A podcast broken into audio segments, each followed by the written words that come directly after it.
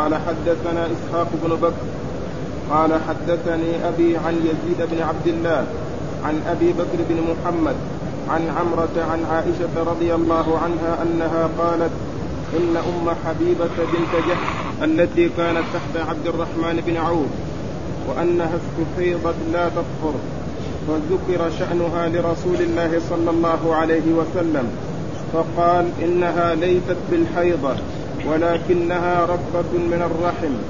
فلتنظر قدر قرئها التي كانت تحيض لها. فلتترك الصلاة. ثم تنظر ما بعد ذلك فلتغتسل عند كل صلاة. بسم الله الرحمن الرحيم. الحمد لله رب العالمين. وصلى الله وسلم وبارك على عبده ورسوله نبينا محمد وعلى آله وأصحابه أجمعين. أما بعد يقول النسائي رحمة الله عليه ذكر الأقراء والأقراء جمع قرء القرء هو اسم لمدة الطهر أو الحيض عند النساء لأنه من الألفاظ التي تطلق على الأضداد تطلق على الشيء وضده. على الطهر والدم.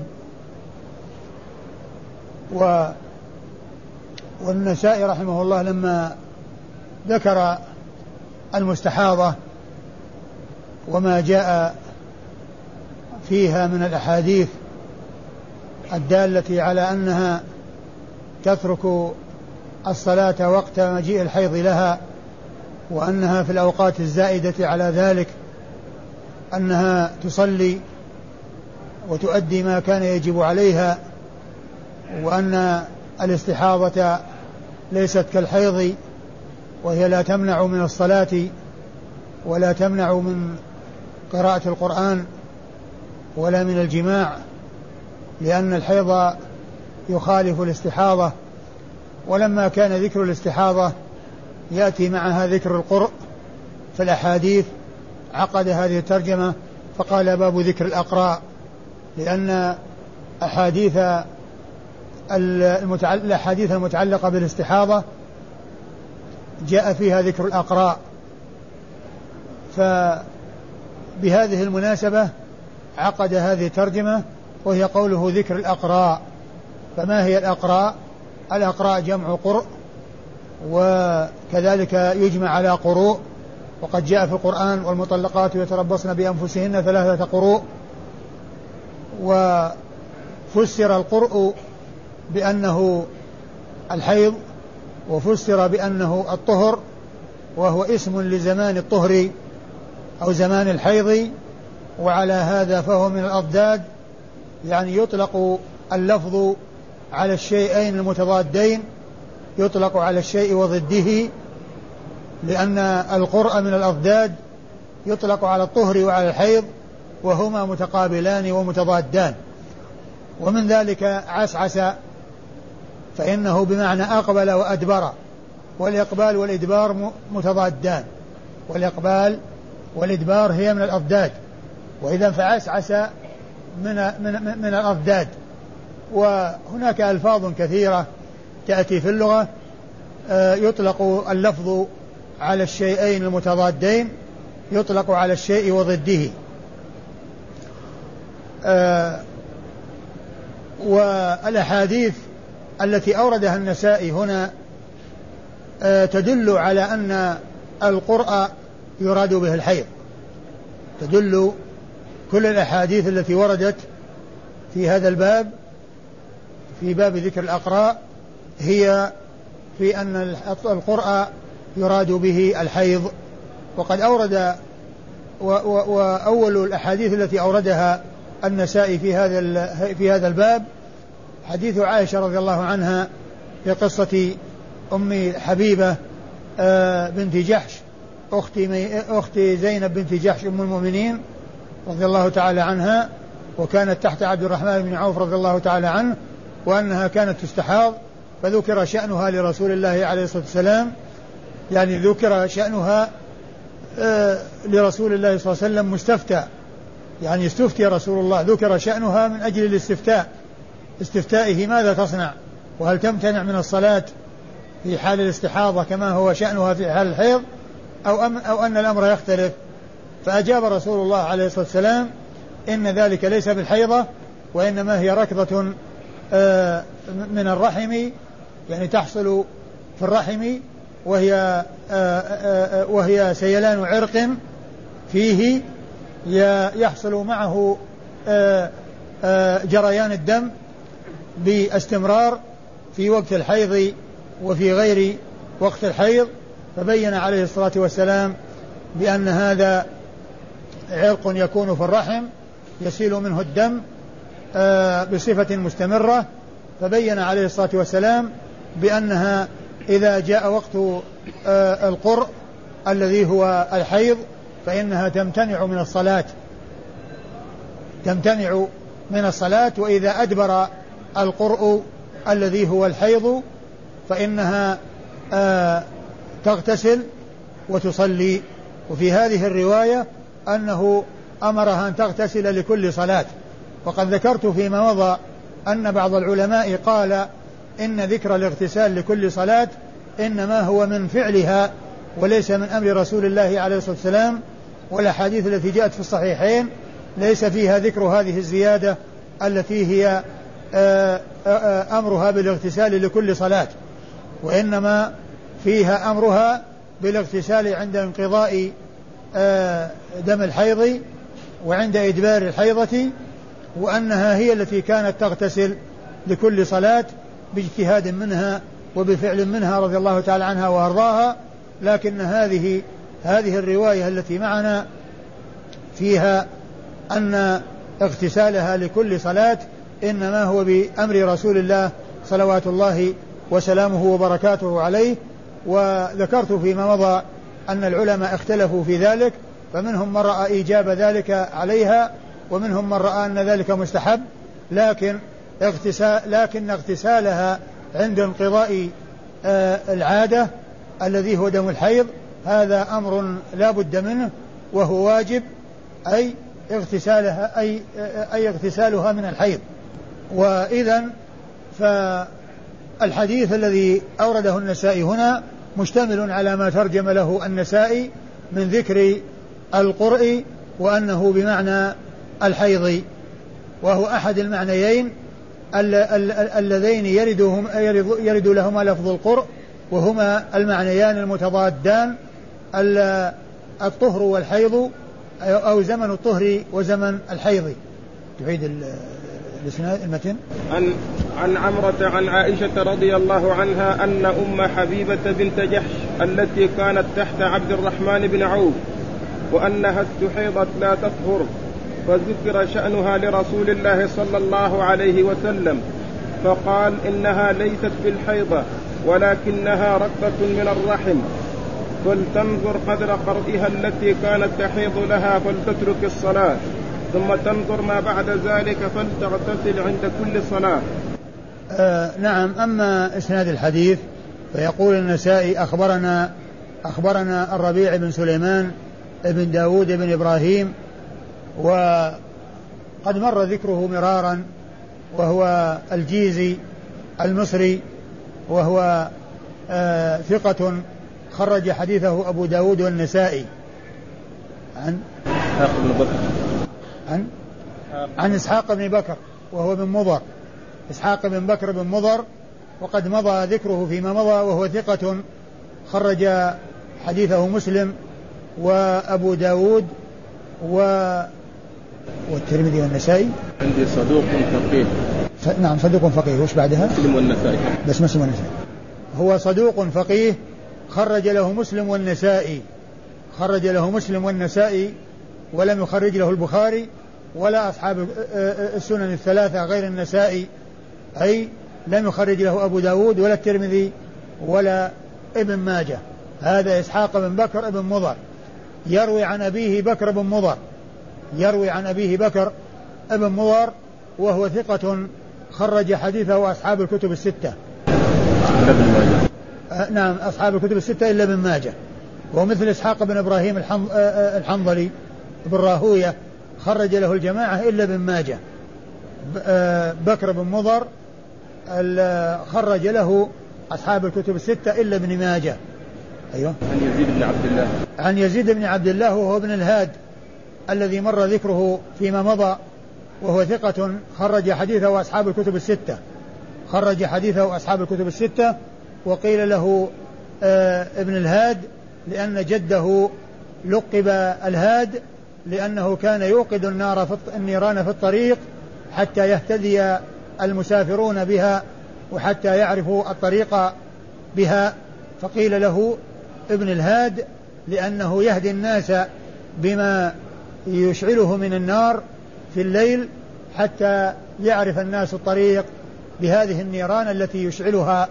أبي بكر بن محمد. عن أبي بكر, أبي بكر بن محمد بن عمرو بن حزم والمدني وهو ثقة عابد خرج حديثه أصحاب الكتب الستة وقد سبق ذكره فيما مضى.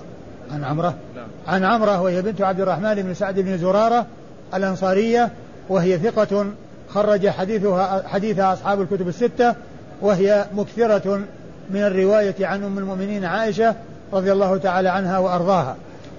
وعائشة أم المؤمنين الصديقة بنت الصديق مر ذكرها مرارا وهي آآ آآ الصحابية التي لم يروي أحد من الصحابيات مثل ما روت من الحديث وهي أحد السبعة المكثرين أحد السبعة من الصحابة المكثرين من رواية الحديث عن رسول الله عليه الصلاة والسلام الذين زادت أحاديثهم على ألف حديث والذين سبق أن ذكرت مرارا أن السيوطي نظمهم في ألفيته فقال والمكثرون في رواية الأثر أبو هريرة يليه بن عمر وأنس والبحر كالخدري وجابر وزوجة النبي. زوجة النبي المراد بها عائشة أم المؤمنين رضي الله تعالى عنها وأرضاها. قال أخبرنا محمد بن المثنى قال حدثنا سفيان عن الزهري عن عمرة عن عائشة رضي الله عنها أن أم حبيبة بنت جحش كانت تستحاض سبع سنين فسألت النبي صلى الله عليه وسلم فقال ليست بالحيضة إنما هو عرق فأمرها أن تترك الصلاة قدر أقرائها وحيضتها وتغتسل وتصلي فكانت تغتسل عند كل صلاة. ثم أورد النسائي حديث عائشة رضي الله عنها وأرضاها المتعلق أيضا بأم حبيبة آه، بنت جحش أخت زينب بنت جحش أم المؤمنين رضي الله تعالى عنهما والمتعلق بسؤال آه، النبي صلى الله عليه وسلم عن شأنها وأن الرسول عليه الصلاة والسلام أمرها بأن تترك الصلاة قدر أقرائها آه، وحيضها والمراد بالحيض هو الأقراء. من عطف آه، الشيء على مثله لأن الحيض هو القرء. هنا لأنها قال تدع الصلاة قدر أقرائها وحيضها فهو من عطف الشيء على مثله مع مغايرته بالمعنى لأن القرء هنا بمعنى الحيض.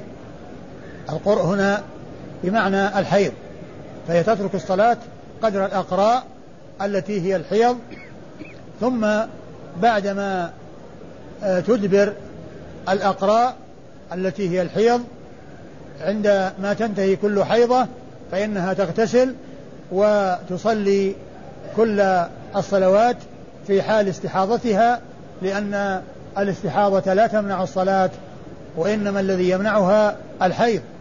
والاستحاضة كما سبق أن ذكرت هي مثل سلس البول يعني خروج آه نجاسة آه بصفة مستمرة آه لا يتمكن الإنسان من الخلاص منها فلا يمنع ذلك من الصلاة فهي تصلي على حسب حالها كما كما أن الذي به سلس البول يصلي على حسب حاله. وإن كان يخرج منه البول بصفة مستمرة فكذلك هذه تصلي. ولو كان يخرج منها الدم أي دم الاستحاضة بصفة مستمرة. المقصود من إيراد الحديث هو ذكر الأقراء وأن وهي الحيض فهو مطابق لما ترجم له المصنف. أما إسناد الحديث فيقول النسائي أخبرنا محمد بن مثنى ومحمد بن مثنى هو العنزي الملقب بالزمن وقد مر ذكره كثيرا وهو أحد الثقات وحديثه عند أصحاب الكتب الستة وهو رفيق آه، محمد بن بشار الملقب بن دار الذي قال عنه الحافظ عنهما الحافظ في التقريب وكان كفر سيرهان لأنهما ولدا في سنة واحدة وماتا في سنة واحدة واتفقا في الشيوخ والتلاميذ وكونهما من بلد واحد فصار بينهما آه بينهما تشابه وتماثل حتى قيل في وصفهما إنهما كفر سيرهان يروي عن سفيان آه وسفيان يروي عن الزهري والمراد به سفيان بن عيينة لأنه إذا جاء ذكر سفيان يروي عن الزهري فإن المراد به سفيان بن عيينة لأن الحافظ ابن حجر ذكر في في في الفتح بأن سفيان معروف بالرواية عن ابن عيينة معروف بالرواية عن ابن عيينة وأنه مكثر منه وهو نعم. معروف عن رواية معروف بالرواية عن الزهري نعم. سفيان ابن عيينة معروف بالرواية عن الزهري معروف بالرواية عن الزهري بخلاف الثوري. وقد قال أيضا في موضع آخر من فتح الباري بأن الثوري لا يروي عن الزهري إلا بواسطة. وقد ذكرت فيما مضى أن أن الزهري أن أن ابن عيينة مكثر من الرواية عن آه، الزهري بخلاف الثوري فإنه مقل من الرواية عنه.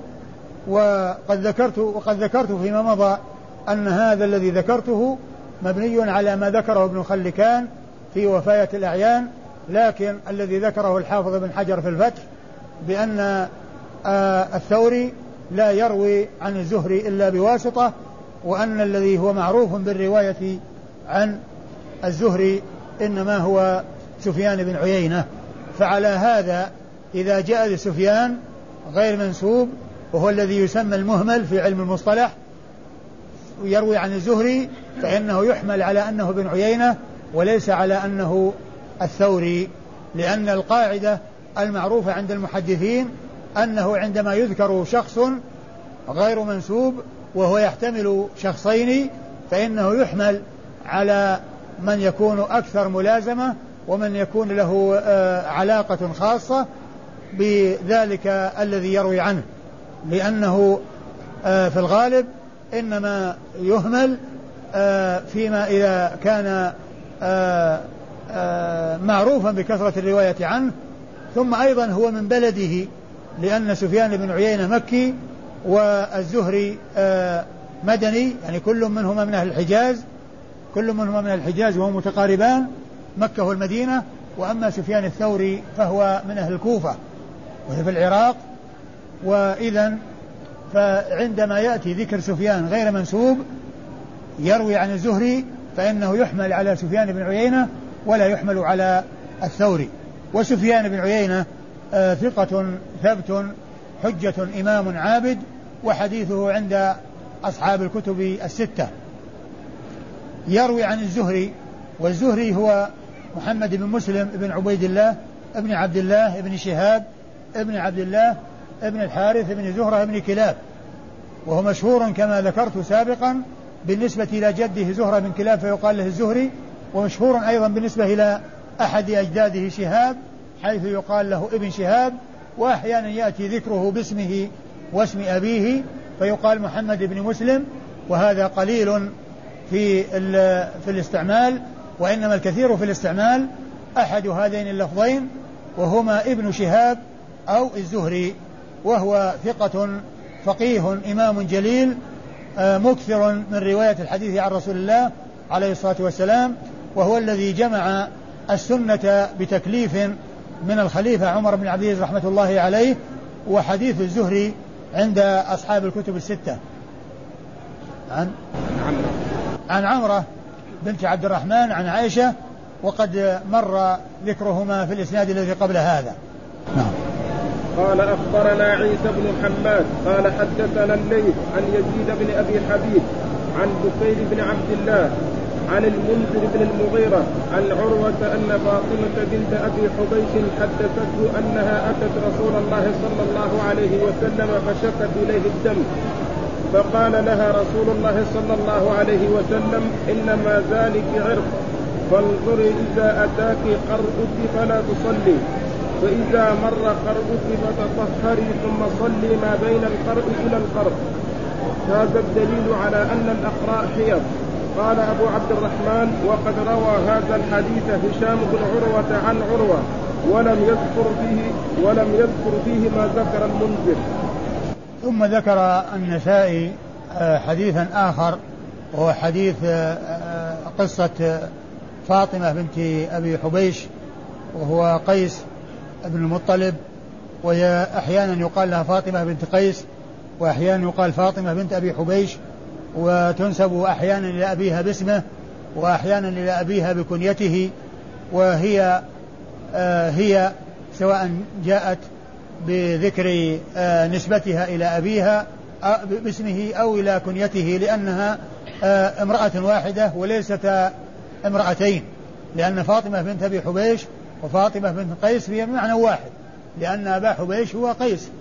فإذا جاء مرة فاطمة بنت قيس ومرة أبا حبيش بنت أبي حبيش فهي هي و آه، فيها فيه أن أن الرسول صلى الله عليه وسلم آه، أنها استفتته فقال لها عليه الصلاة والسلام انظري إذا جاء قرئك أي الحيض فدع الصلاة.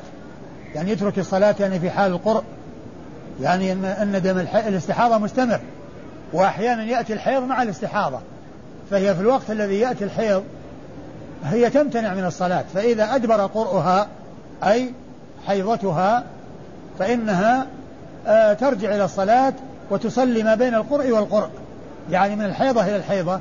الطهر الذي بين الحيضتين هو هو هو طهر بمعنى أنه طهر من الحيض. وإن كان الاستحاضة موجود الاستحاضة موجودة ودم الاستحاضة موجود موجود آه، آه، دم الاستحاضة موجود ما هناك ما هناك طهر يعني بمعنى سلامة من الدم لكن هناك طهر من الحيض الذي آه، تترك فيه الصلاة.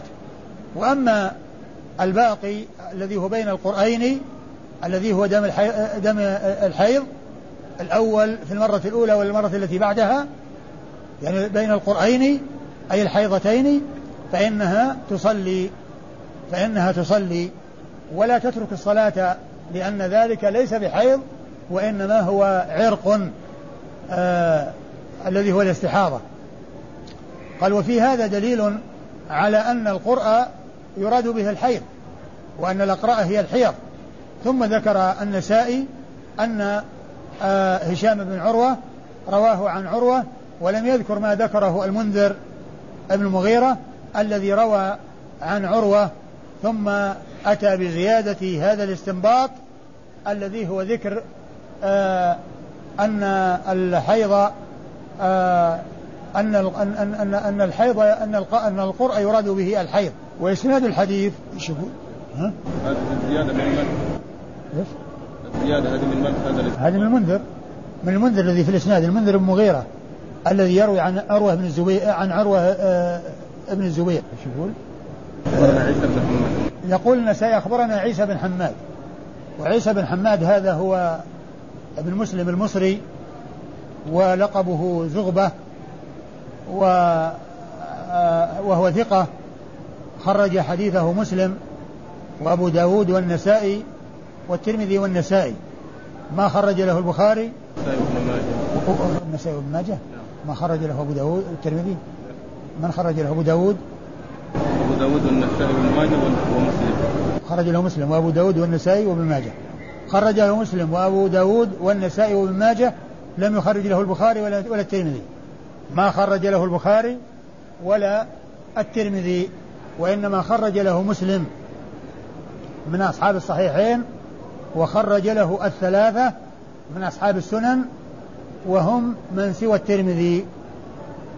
أيوة عن عن الليث وهو الليث بن سعد المصري الفقيه المحدث الثقة الثبت الذي خرج حديثه أصحاب الكتب الستة وقد مر ذكره كثيرا يزيد بن أبي حبيب عن يزيد بن حبيب وهو أيضا المصري وهو ثقة يرسل وحديثه عند أصحاب الكتب الستة وقد مر ذكره فيما مضى. بكير بن عبد الله. عن بكير بن عبد عن بكير بن عبد الله بن الأشج وهو أيضا ثقة خرج حديثه أصحاب الكتب الستة. عن المنذر بن المغيرة. عن عن المنذر بن المغيرة والمنذر بن المغيرة قال عنه بالتقريب إنه إنه إنه مدني وأنه آه، مقبول وأن حديثه خرجه أبو داود والنسائي. خرج حديثه أبو داود والنسائي. عن فاطمة؟ عن عروة. عن عروة بن الزبير ابن العوام أحد الفقهاء السبعة في المدينة المشهورين الذين مر ذكرهم كثيرا وحديثه عند أصحاب الكتب آه، الستة. عن فاطمة بنت أبي حبيش وفاطمة بنت أبي حبيش مر ذكرها وهي فاطمة بنت قيس وهي صحابية مشهورة لها هذا الحديث في الاستحاضة وخرج حديثها أبو داود والنسائي. خرج حديثها أبو داود والنسائي. النسائي؟ يجعل الحديث في ضعف قول أبو عبد الرحمن. يجعل الحديث أنه ضعيف. لا أبدا. وإنما بس فيه ذكر أن الاستدلال ثم أيضا الاستدلال واضح سواء سواء ذكر أو ما ذكر لأن القرء هو الحيض. وإنما الكلام على أن هذا الكلام الذي فيه الاستدلال هو من ما ذكره المنذر. يعني فهو منه وليس لأنه جاء عن عروة عن هشام بن عروة عن أبيه عروة ولم يذكر ذلك الذي ذكره المنذر. وكلام وكلام المنذر هذا كلام صحيح لأن الحديث واضح المراد به القرء والحيض. نعم. قال أخبرنا إسحاق بن إبراهيم قال أخبرنا عبدة ووكيع وأبو معاوية قالوا حدثنا هشام بن عروة عن أبيه عن عائشة رضي الله عنها أنها قالت جاءت فاطمة بنت أبي حبيش إلى رسول الله صلى الله عليه وسلم فقالت إني امرأة حاض فلا أطهر أفأدع الصلاة؟ قال لا إنما ذلك عرق وليس بالحيضة. فإذا أقبلت الحيضة فدعي الصلاة وإذا أدبرت فاغسلي عنك الدم وصلي. تعيده لا الإسناد المتن عن عائشة رضي الله عنها أنها جاءت فاطمة بنت أبي حبيش إلى رسول الله صلى الله عليه وسلم فقالت إني امرأة استحاض فلا أطهر. أفأدع الصلاة؟ قال لا إنما ذلك عرق وليس بالحيضة. فإذا أقبلت الحيضة فدع الصلاة وإذا أدبرت فاغسلي عنك الدم وصلي. ما في ذكر؟ لا.